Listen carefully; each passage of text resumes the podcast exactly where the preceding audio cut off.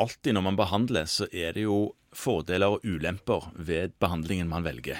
I de fleste tilfeller, ja. Ja, Det er risiko, og det er bivirkninger, og det ene med det andre. Og noen ganger så er det sånn at risikoen og bivirkningene ikke står i stil med hva symptom du prøver å behandle. sånn at Det blir bare tåpelig å behandle med et legemiddel som forvolder mer skade enn det du prøver å behandle. Ja. Ja.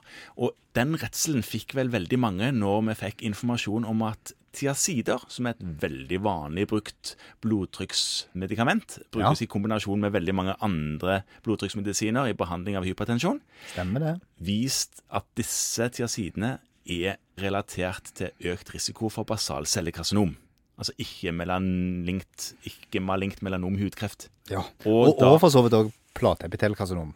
Ja, altså ikke maligne melanom. Ja, Ja, de andre. de andre. Og da tenkte vel en del at oi, jeg har en del på ditten og datten komp som jeg nå må få inn for å få vekk den komp-biten og legge til en eller annen form for medisin, f.eks. en betablokker istedenfor, for å holde blodtrykket på et normalt nivå. Ja. Og så er det nå kommet noe eh, ny artikkel. Det har kommet en Reles-artikkel, blant annet, der noen stilte dette intelligente spørsmålet. Og Ja.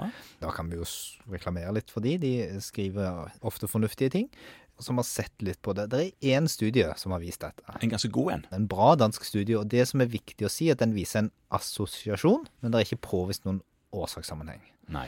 Og det er ikke en dobbeltblinda, randomisert studie.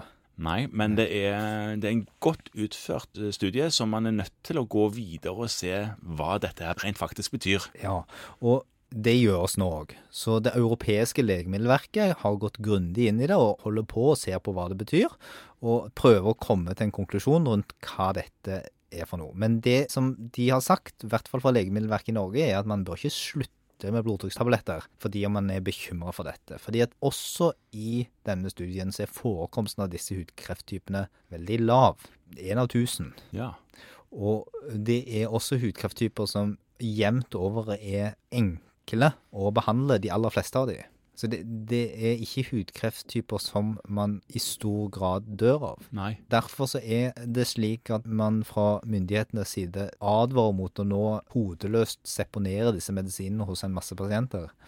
Fordi at de potensielt negative konsekvensene av å kutte ut blodtrykksbehandling hos pasienter er betydelig større enn den teoretisk mulige gevinsten av å redusere antallet ikke-melanom hudkreft.